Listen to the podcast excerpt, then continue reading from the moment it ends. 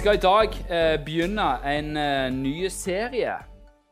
Eh, og eh, dette er en serie som jeg på mange måter har eh, lengta en stund etter å ha. Jeg, jeg, det var noe som jeg tenkte på når jeg, eh, når jeg slutta som pastor. At å, dette her har jeg lyst til å snakke om. Så når, når jeg snakket med Magnus om hvordan og hva vi skulle gjøre eh, det neste året, og hva vi skulle snakke om, så, så var det det å snakke om fellesskapet. Det å snakke om hva er Jesu menighet. Hva er, eh, hva er dette fellesskapet som, som er, en del av? Eh, og så eh, ble vi enige om at det skulle vi gjøre. Uh, og da snakket, kom jo Magnus opp med den geniale tittelen. Vi må jo ha, ofte ha en sånn tittel på en serie. Så da kom Magnus opp med den geniale tittelen 'Illustrert fellesskap'. Eh, Tittelen 'Illustrert fellesskap' hermer etter tidsskriftet 'Illustrert vitenskap'. Eh, og det Tidsskriftet det publiserer vitenskapelige artikler med bilder og illustrasjoner for at det skal bli lettere å forstå.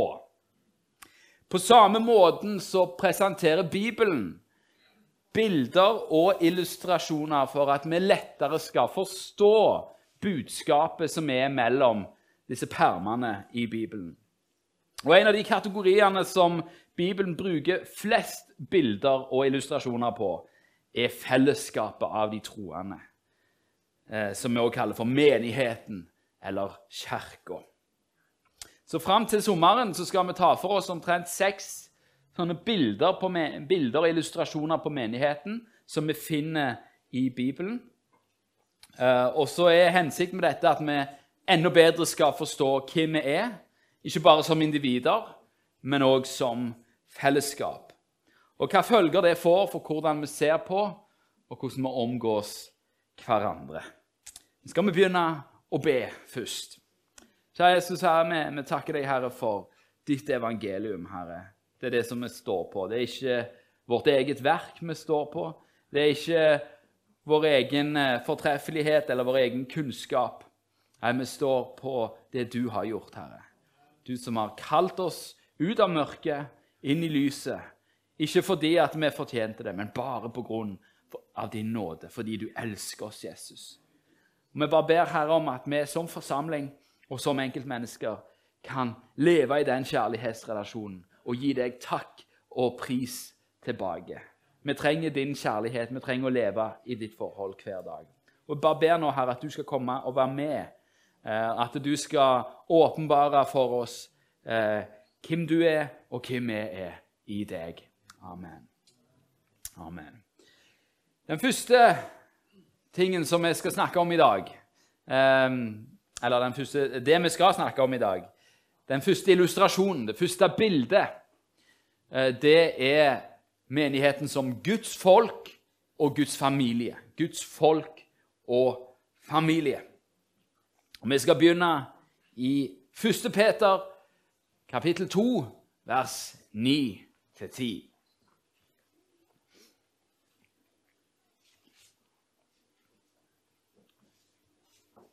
Men dere er en utvalgt ett, et kongelig presteskap, et hellig folk, et folk til eiendom, for at dere skal forkynne Hans storhet, Han som kalte dere fra mørket til sitt underfulle lys. Dere som før ikke var et folk, men nå er blitt Guds folk. Dere som før ikke hadde funnet miskunn, men nå har fått miskunn. Vi er blitt Guds folk. Vi som før ikke var et folk, har blitt Guds folk. Hva betyr det? Vel, I sin essens så betyr det at har skifta statsborgerskap.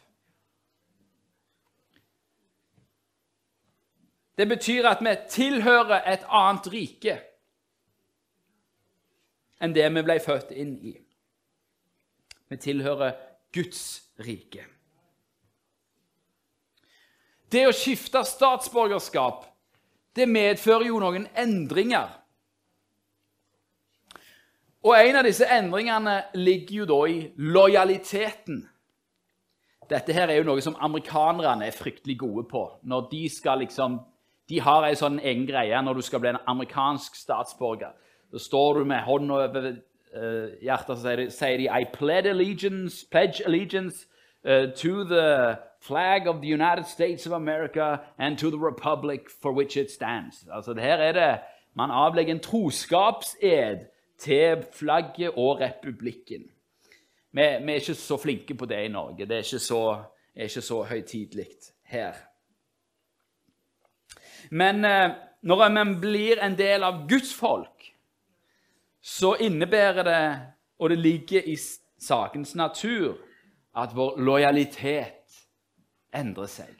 Vår lojalitet endrer seg. Eh, jeg kommer tilbake til dette her bibelverset en del. Jeg skal skifte litt. Men vi er som sagt da Guds folk. Eh, for en del år siden så havna Audun Lysbakken og Knut Arild Hareide i en diskusjon om akkurat dette. Jeg vet ikke om noen av dere husker det. Disse var da ledere for hver sitt politiske parti.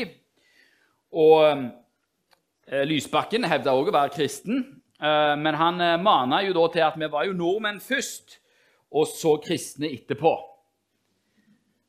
Um, og Da kan du si hva du vil om den gamle KrF-lederen, men, men, akkurat da våkna han. For det var én ting som var klinkende klart for han. Det er at Nei, nei, nei. Jeg er kristen først. Jeg er kristen først, så er jeg nordmann. Å være en kristen handler om å sette Kristus først. Søk først Guds rike, står det. Søk først. Foran nasjonen, foran familien, ja, foran deg sjøl. Søk først Guds rike. Hvorfor skal vi sette Han først? Jo, fordi han satte oss først. Det er en respons. Vi elsker fordi han elsker oss først.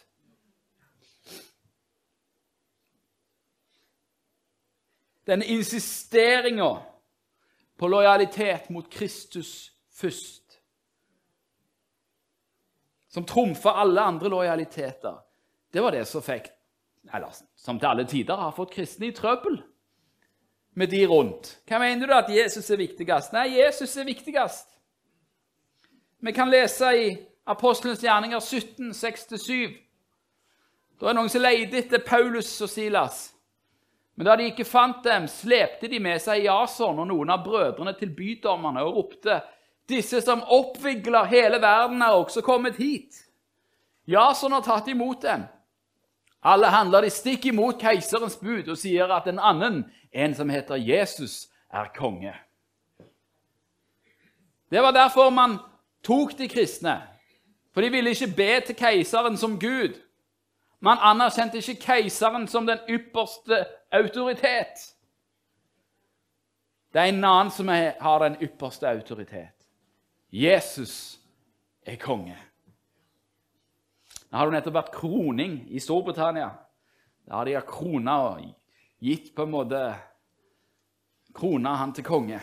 Kong Charles. Men over han så står det en annen konge. Han som er kongenes konge. Og det er Jesus Kristus. Vi som har tatt imot han, setter han øverst. Det er han vi er lojal mot. En som eh, virkelig har forstått at han først og fremst tilhører Guds rike og ikke et menneskelig rike, det er Halvard Hasseløy. Jeg hørte en fantastisk historie som han fortalte en gang. Han, eh, for de som ikke kjenner han, så har jo han reist mye til Ukraina med hjelpesendinger og er jo en forkynner og en evangelist av rang. Um, og um, mens, uh, på 80-tallet, mens det fremdeles var jernteppe, så eh, er han i, da, i Ukraina eller i Sovjetunionen. og eh, skal, Om han skal over til Polen eller hvor han skal Han skal i hvert fall passere ei grense. Og der, eh, kjører han opp, og så er det jo Han skal jo rekke et møte der på andre sida av grensa. Eh, men så er det enorme kø på grensa. Det tar enorm tid. Og så ser Halvard Hasseløy at jo, men den fila der er jo ledige. Ja, men det er bare for diplomater. Kjempegreier, sier Halvard Hasseløy.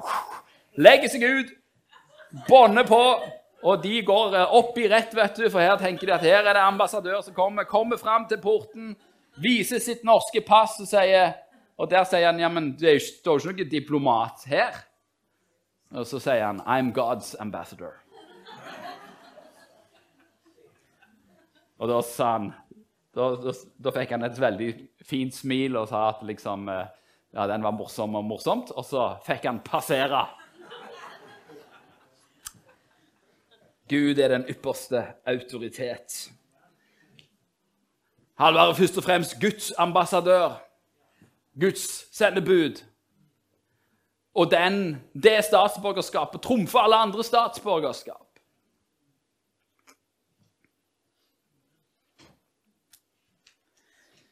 I eh, det vi leste her i Peter, så står det jo noe òg om et kongelig presteskap og et hellig folk. Um, og det er ikke sånn at uh, denne ideen om menigheten som Guds folk stammer fra Peter eller Paulus. Men Gamle testamentet så er det jo dette det i stort sett handler om. Nettopp at uh, Gud velger seg ut én mann, Abraham. Og han sier at uh, dine etterkommere gjennom Isak og Jakob skal være mitt folk. Det er dette folket som flytter til Egypt, som blir tvunget inn i slaveri i Egypt, og som Gud redder ut av Egypt gjennom Moses. Og Det er der du ser kimen til det som står i Peters brev. Eh, for der står det i 2. Mosebok 19, 3-6. Så steg Moses opp til Gud nå hadde de kommet ut av Egypt, og de kom fram til Sinai. Så steg Moses opp til Gud, og Herren ropte til ham fra fjellet og sa:" Så skal du si til Jakobs hus og kunngjøre for Israels barn. Dere har selv sett hva jeg har gjort med egypterne, og hvordan jeg bar dere på ørnevinger og brakte dere til meg. Dersom dere nå virkelig vil høre min røst og holde min pakt, da skal dere være min eiendom framfor alle folk, for hele jorden er min. Dere skal være et kongerike av prester for meg og et hellig folk. Dette er de ordene du skal tale til Israels barn. Et kongelig presteskap, altså et kongerike av prester, det er det som Peter refererer tilbake til. Så det Peter sier, er at eh, den realiteten som fins i Gammeltestamentet, med at det fins et folk som er Guds folk, og som er Israel det folket har dere fått lov til å bli en del av. Dere har fått lov til å bli en del av Guds folk. Nå, Israel viste jo da gang på gang at de ikke var i stand til å holde hans pakt. Den pakten som sa 'gjør etter loven', så skal dere, eh, så skal, så skal dere være mitt folk framfor alle folk. Men Israel var ikke i stand til å holde pakten. Men eh, det utrolige i situasjonen, det ekstraordinære i situasjonen, er jo at selv om Israel ikke holdt pakten, så holdt Gud pakten. Gud brøt ikke pakten.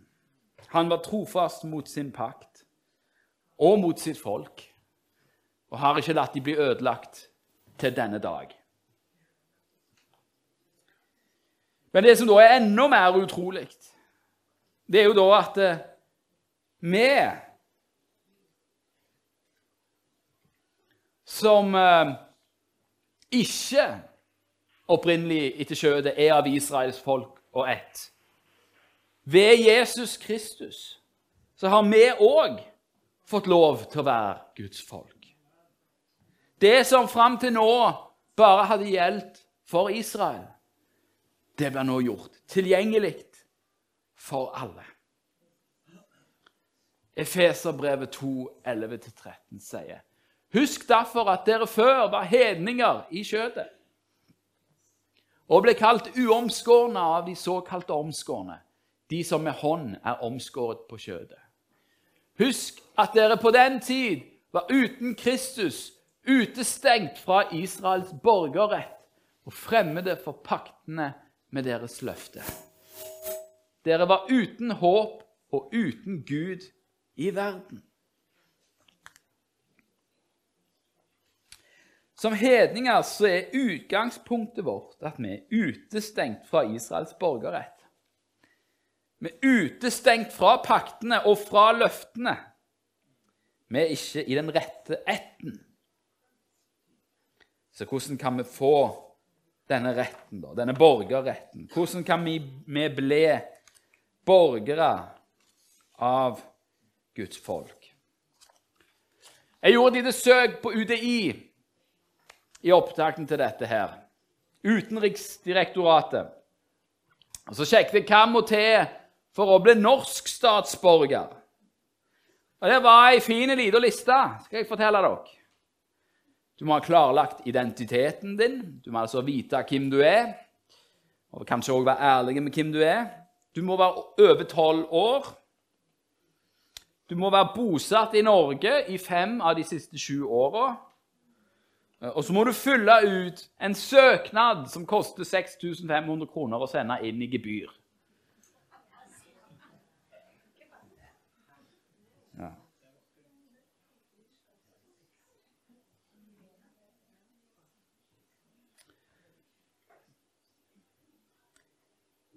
I Efeserbrevet så 2, 11-13 så står det om vår situasjon uten men så kommer det et vakkert 'men nå'. Men nå, i Kristus Jesus, er dere som før var langt borte, kommet nær til ved Kristi blod.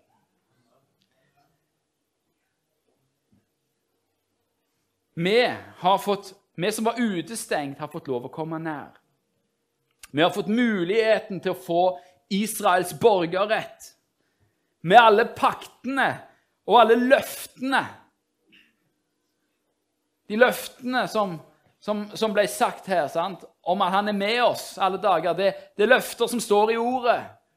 De løftene gjelder ikke for hedningene. Det gjaldt bare for Israel, men vi har fått lov til å bli en del av Israel. Derfor så gjelder løftene for meg òg. Og for deg.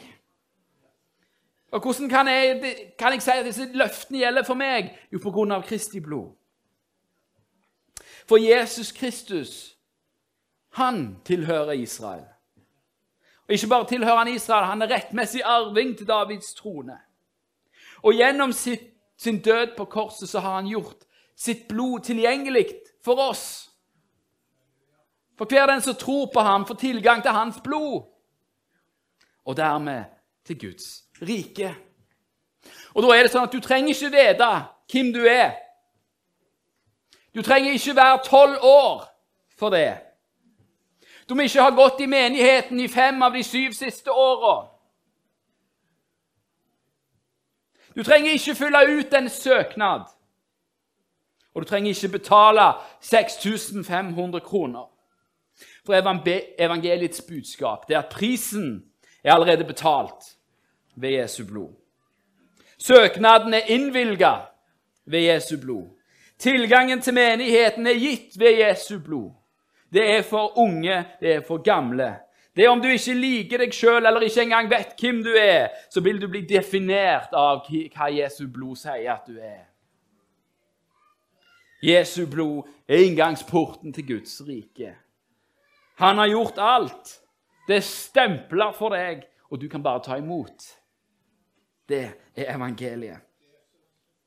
Som det står i 2. Korinterbrev 1, 21-22. Men han som binder både oss og dere fast til Kristus, og som har salvet oss, det er Gud. Han har også satt sitt seil på oss og gitt oss Ånden som pant i våre hjerter. Men Jesu blod det er ikke bare en pant. Eller Jesu blod er ikke bare et stempel på en søknad Og Ånden er ikke bare en pant. For når du, blir, når du tar imot Han, så blir du ikke bare en del av Guds folk. Du blir en del av Guds familie. Mm. Jeg er jo norske statsborger. Men jeg har eh, Jeg måtte ikke gå gjennom disse søknadsprosessene og bo så og så lenge i landet og, og, alle sånne ting før jeg kunne bli norsk statsborger. Jeg har ikke gått gjennom UDIs lange prosess. Det er fordi jeg ble født som norsk statsborger. Grunnen til at jeg ble født som norsk statsborger, var fordi min far var norsk statsborger. Ved Jesu blod så blir du ikke bare en del av Guds folk, men du blir en del av hans familie. Ja, du, du skal bli en kristen, men, men du må òg faktisk bli født som en kristen. I den samtalen med, med Nikodemus så sier Jesus til Nikodemus Svarte og sa til ham, sannelig, sannelig sier jeg deg, uten at den blir født på ny, kan han ikke se Guds rike. Uten at den blir født av vann og ånd, kan han ikke komme inn i Guds rike. For å komme inn i Guds rike så må du bli født på ny. Jesu blod er ikke bare en adgangsbillett. Ja, det er en ny fødsel. Vi markerer det i dåpen. Vann og ånd.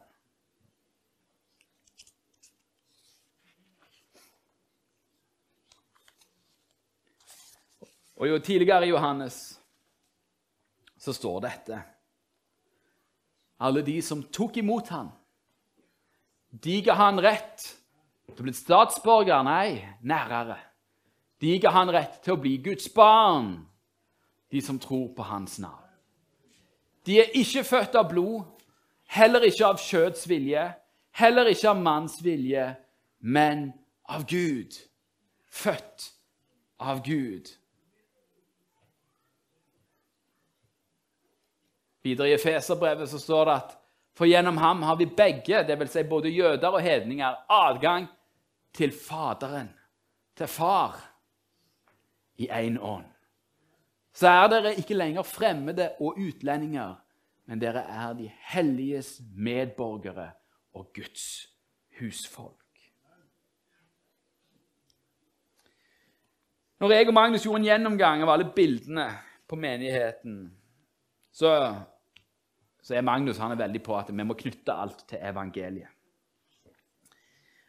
Og det vi fant ut, var at alle bildene på menigheten ikke bare kunne knyttes til evangeliet, men mer spesifikt til nattverden. Eh, og Derfor skal vi feire nattverd i dag. Det er en bra introduksjon. Hva er det vi mottar i nattverden? Jo, vi mottar Jesu legeme og Jesu blod. Og i Jesu blod, når vi drikker Jesu blod, så blir hans blod en del av oss. Det er en påminner om at vi er i samme familie som Jesus. Jeg er i samme familie som Jesus. Det er derfor jeg drikker hans blod. Jeg er i samme familie. Jeg spiser hans Han er i meg.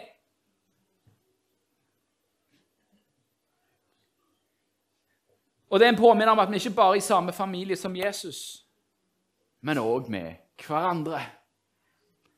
Det er derfor vi kaller hverandre brødre og søstre.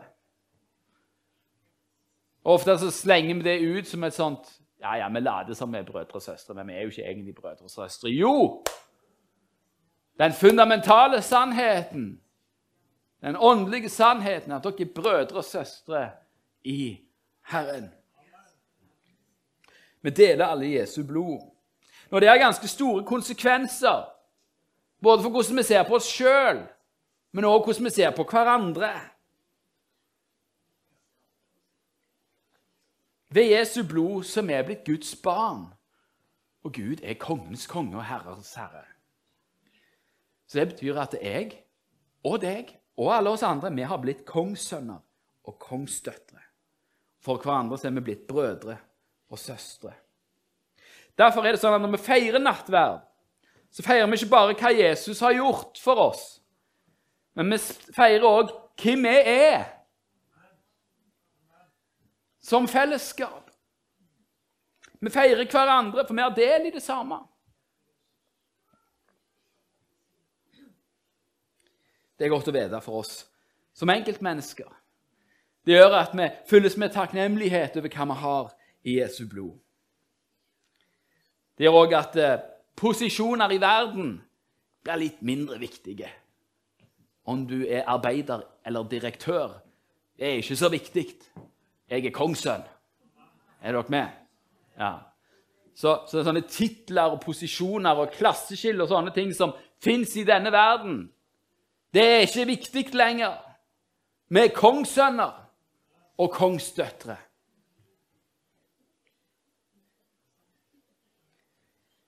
Men like viktig så bør det gjøre noe med hvordan vi ser på hverandre. Se litt rundt deg. Det du ser, er kongssønner og kongsdøtre. En samling av adelige her, av kongelige. Vi ler litt, fordi vi er ikke vant til å tenke sånn. Vi er jo sånne solide jærbuer. Vi liker ikke å gjøre oss for høye tanker.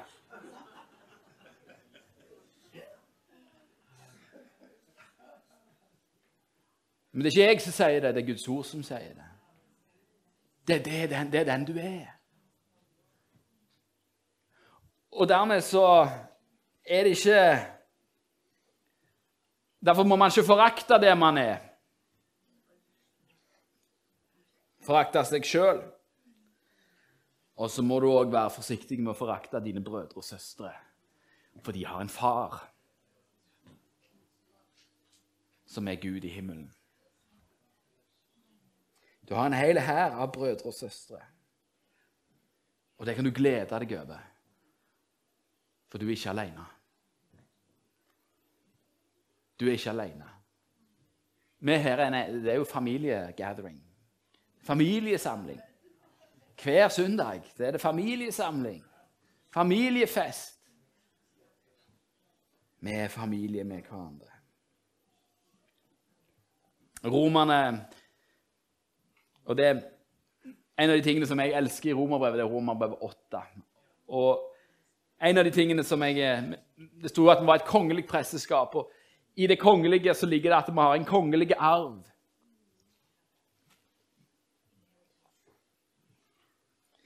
For så mange som drives av Guds ånd Dette er Romerne 8, 14-17. For så mange som drives av Guds ånd, altså de som har fått ånden til pant, de er Guds barn. Dere fikk jo ikke trelldommens ånd, så dere igjen skulle frykte. Men dere fikk barnekårets ånd, som gjør at vi roper 'Abba, far'. Vi roper 'pappa'. Abba betyr pappa. Det betyr far. Vi kan rope 'pappa' til far. Det, når du blir norsk statsborger, så blir du norsk statsborger. Men tenk deg ikke bare bli norsk statsborger, men, men, men da være en del av kongefamilien. Det hadde vært fint. Det er sånn det er i Guds rike. Ingenting annet enn det beste.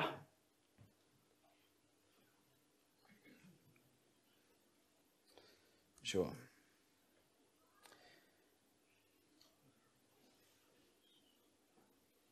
Vi er arvinger til Guds rike, medarvinger med Jesus, arvinger til alle de løftene som Gud ga til Israel.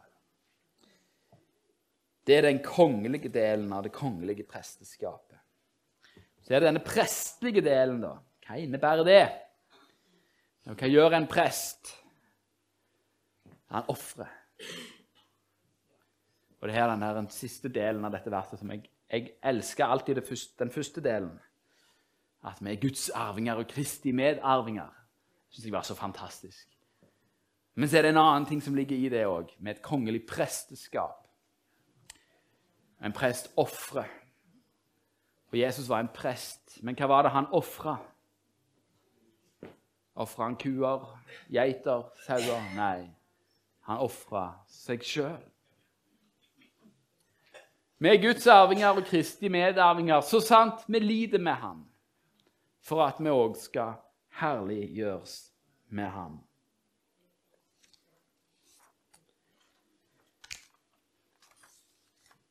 I å være kongelig presteskap så ligger det en kongelig arv. Arvinger til Guds rike.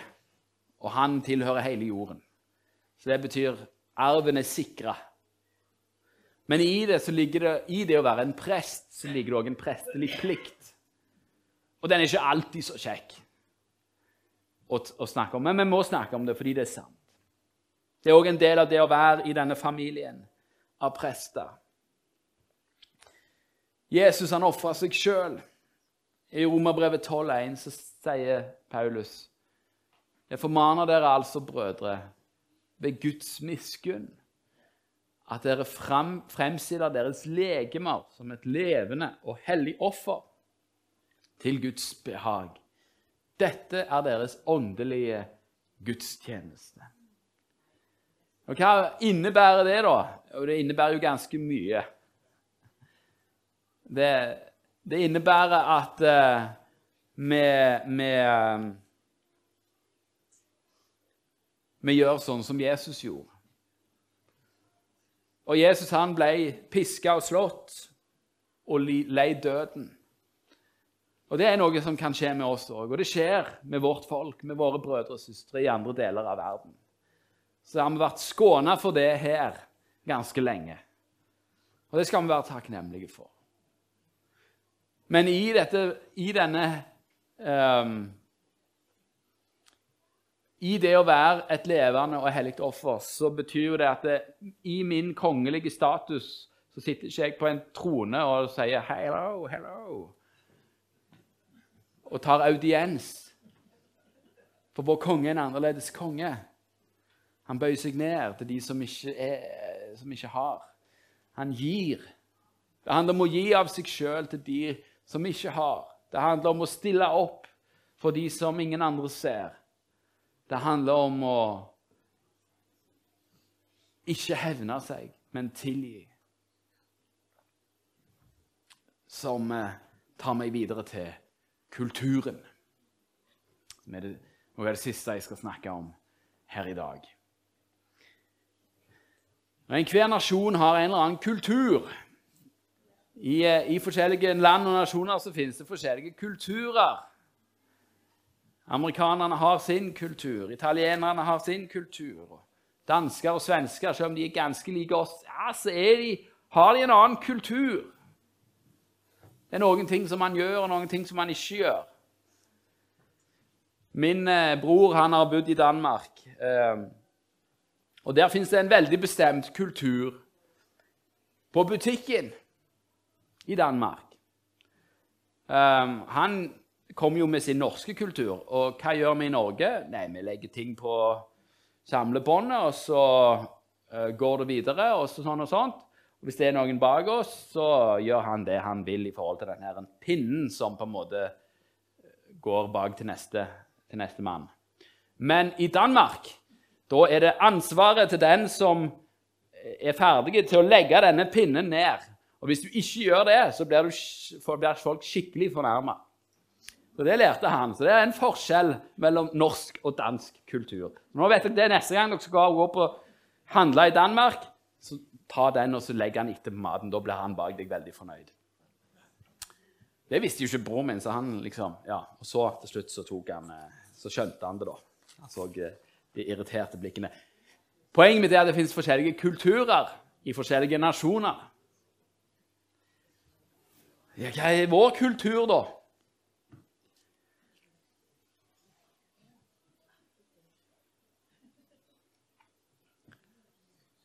I Johannes 1, 17 så står det at loven ble gitt til Moses. Nåden og sannheten kom ved Jesus Kristus.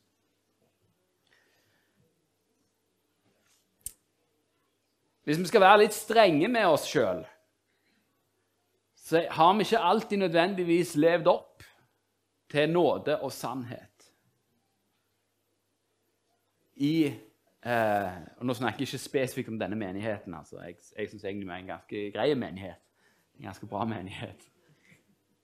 Men kristenheten i Norge har ikke nødvendigvis vært preget av nåde og sannhet. Nei, man har prøvd å skjule sine synder, og så har man vært knallhard mot de som har veldig åpenbare synder. Sånn kan vi ikke, sånn kan vi ikke være bekjent av oss. Og Hvorfor vil man skjule sine synder? Jo, fordi at man har skam. Man føler skam over det gale man har gjort. Men hvorfor kjenner du skam over at du er en synder? Bekjenn din synd og få nåde. Det er veien. Det er det Jesus kom for å gjøre. Eh, ting kan oppstå. Jeg kan kjenne på ting og tanker, og av og til så gjør jeg ting som ikke er i tråd med det Bibelen sier at jeg skal gjøre. Noen ganger så vet jeg om det. Andre ganger så vet jeg ikke om det. Og da må jeg på en måte ta ansvar for det. Av og til så gjør folk noe mot meg som de ikke skulle ha gjort, som er synd. Hvordan reagerer jeg på det? Bibelen har en veldig klar oppskrift på hvordan du skal reagere på det. Hvis noen synder mot deg, gå og snakk med ham. Legg det fram, presenter det, si 'dette var galt'. Eh, 'Jeg vil ha en unnskyldning'.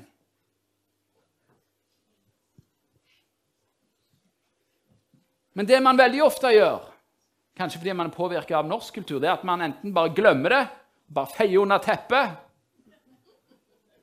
Og når det har vært under teppet lenge nok, så kommer det fram, og så snakker man ikke til vedkommende, men til alle andre. Mm. Så baksnakker man istedenfor. Og så går de rundt og ikke vet at de har synda mot deg men alle andre vet. Mm. Jeg eh, sa her forrige gang at uh, at jeg, eh, at jeg måtte gjøre opp med noen når jeg sa, ba dere om å sjekke meg om jeg hadde gjort det. Jeg har gjort det. Og det var en, akkurat en sånn en greie. Det var en som jeg hadde noe imot, som jeg ikke kunne se i øynene. For den hadde gjort et eller annet. Og Gud hadde pirka på meg på den ganske lenge, et halvt år. Thomas, kom igjen, kom igjen, kom igjen. Så da måtte jeg til slutt ta OK, nå gjør jeg det. Og så tok jeg kontakt, og så fikk jeg forklart situasjonen. Det var noe som var for lenge tilbake, men sånn sitter jeg hvis det ikke er oppgjort. Og så fikk vi gjort opp. Og nå er det greit.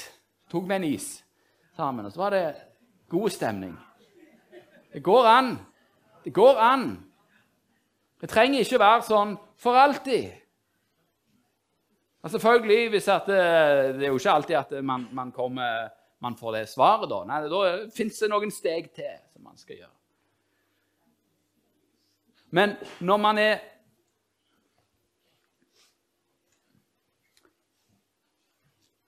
Når man er Guds folk, må man våge å si det som er sant. Og så må man våge å si det med den hensikt å gjøre opp og, og, og vise nåde mot hverandre. Og Noen ganger så er det ikke mulig. Noen ganger så, så, så vil, man, vil, ikke folk gjøre opp, og de vil ikke snakke med deg. Og Da er det OK. Da kan du ikke gjøre noe med det, men du kan ha en tilgivende holdning. da. Men det å snakke sant om livet det å snakke sant om at nei, vet ikke, Av og til så får jeg det ikke til. Sånn, sånn er det bare. Og det, det, må vi våge. Vi må våge å være mennesker. Vi må våge å være preget av nåde og sannhet. For sannheten er at uh, ingen av oss fikser det. Det er ikke derfor vi ble kristne, fordi vi fiksa det. Vi, vi, sliter alle med ting. Ting dukker opp. Men så finnes det nåde. Det finnes nåde for syndere. Sånn kan vi òg være mot hverandre.